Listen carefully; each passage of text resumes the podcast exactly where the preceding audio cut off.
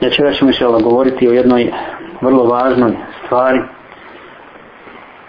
koju danas muslimani, mnogi muslimani zapostavljaju, a ona je u stvari izvor spoznaje, e, izvor znanja, nauke, razumijevanja, posebno vjere i vjerskih propisa, a samim tim i cjelokupno ljudskog života. E, naime, radi se o razmišljanju razmišljanju koje danas muslimanima posebno fali. E, I onda kad se nađe neki čovjek koji razmišlja svojom glavom i koji brinje o islamskom umetu, vi vidite kako on prolazi i kako bude napadan sa svih strana. Sa svih strana. Jer nevjernice danas nisu navikli da muslimani misle svojom glavom. Da razmišljaju, da budu nekakvi vizionari, da, da se brinu o svom narodu, odnosno da se brinu o ovome umetu. E, mnogi ljudi među muslimanima znaju vrijednost kad se govori dakle o razumu znaju vrijednost razuma i razmišljanja ali ne znaju njegovu pravu suštinu i malo je oni koji su se istinski tome posvetili i koji u ime Allaha Đelešanuhu razmišljaju razmišljaju o dunjalku i o ahiretu Allah subhanahu wa ta'ala braćo naređuje razmišljanje u Kur'anu na mnogim mjestima prije svega Allah hvali one koji koriste svoj razum i koji razmišljaju pa kaže kaže الذين يذكرون الله قياما وقعودا وعلى جنوبهم ويتفكرون في خلق السماوات والأرض ربنا ما خلقت هذا باطلا Dakle, hvaleći one koji su istinski vjernici, koji su istinski spoznali Allaha Đalešanuhu, Allah kaže to su oni koji Allaha spominju stojeći i sjedeći, odnosno ležeći i razmišljaju o stvaranju nebesa i zemlje i govore gospodar naš ti ovo nisi uzalud stvorio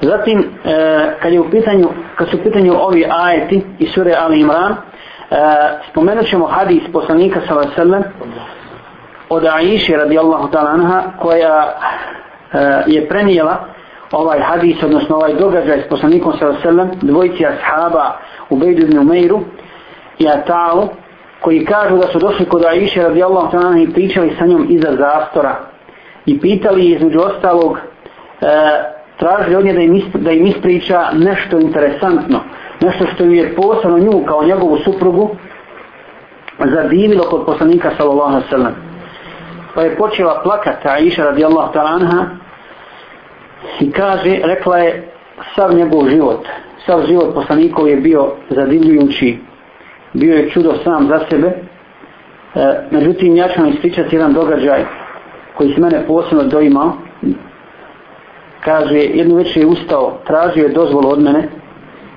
da i vadeti, da klanja, pa sam rekla, ja Rasulullah što tebe raduje, to ime ne raduje, on je ustao, abdestio i cijelu noć je klanjao i plakao sve do sabaha.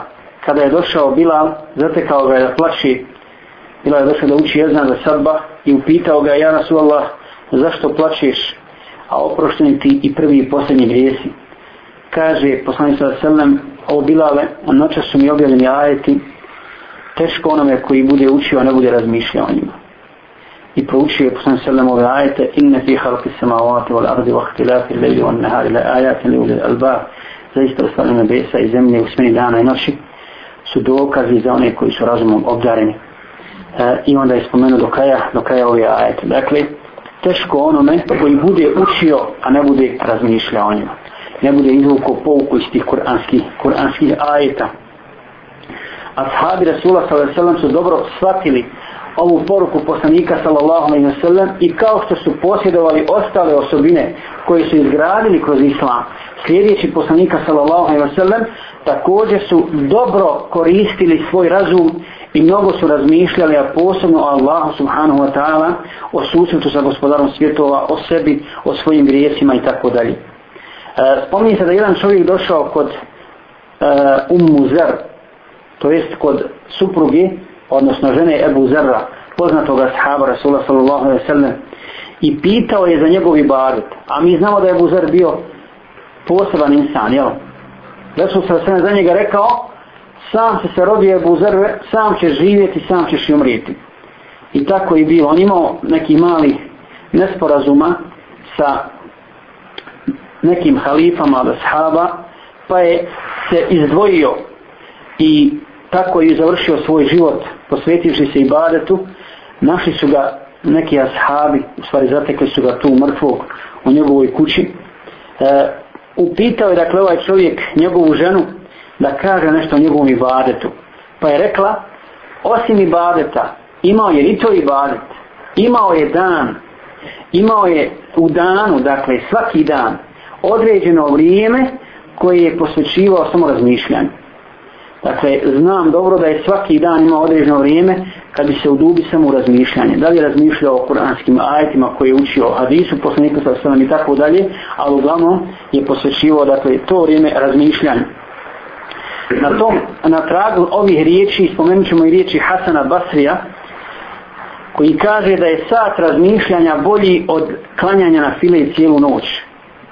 Dakle, sat razmišljanja po Hasanu Basriju, koji će donijeti sigurno svoje plodove, ne bezveznog razmišljanja, ne pustiti misli da, da, da, onaj, da te vode kud, kud, kud one oči, pa da razmišljaš o svojim neostvarnim dunjavskim snovima, o nekakvom bogatstvu, o ovome ili onome, nego da razmišljaš, da razmišljaš o stvarima koji će popraviti tvoje stanje i stanje drugih ljudi.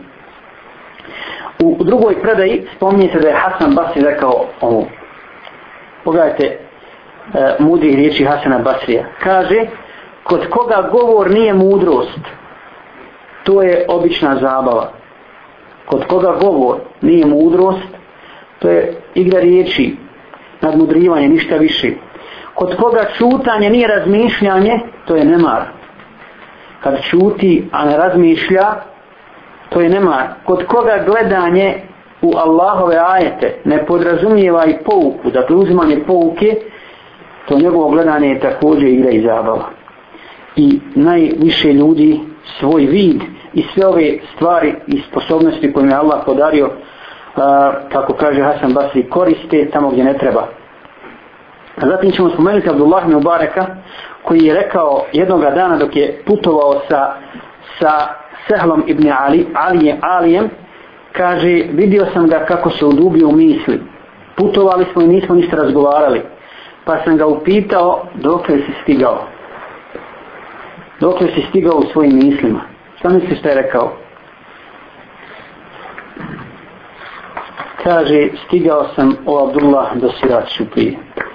Taman kad si me ti upitao, ja sam već bio na Sirat Šuprije.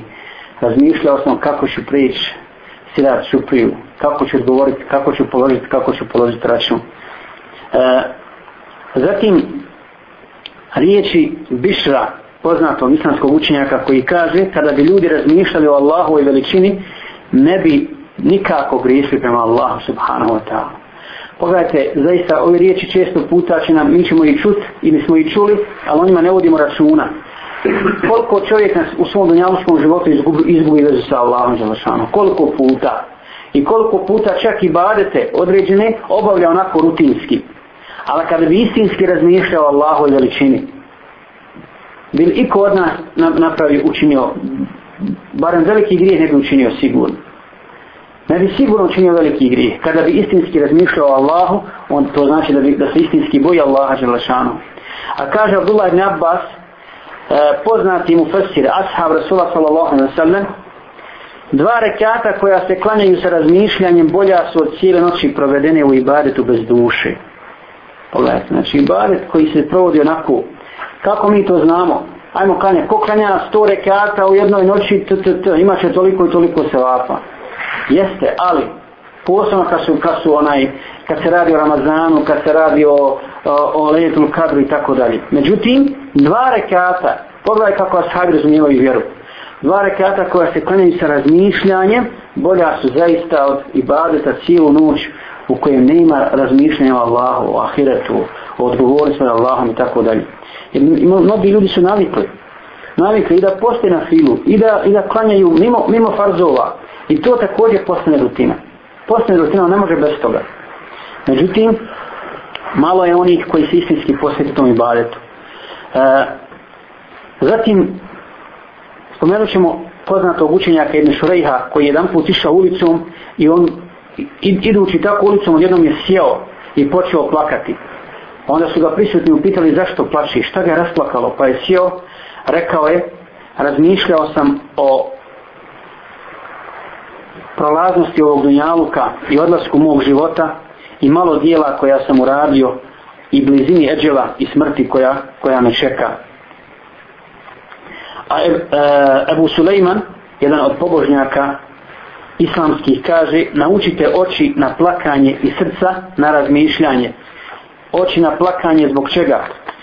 Jer, jer čovjek kad god doživi ibadet, kad doživi namaz, učenje Kur'ana ili bilo šta drugo, bilo koje dobro djelo, pa ako se istinski boji Allaha Đelešanu ono često puta da te kur'anske riječi ili e, misa o Allahu posjećena na hiret rasplaću i to je znak, to je znak jakog, jakog imana inša Allah a naučite kaj srca da razmišljaju stalno.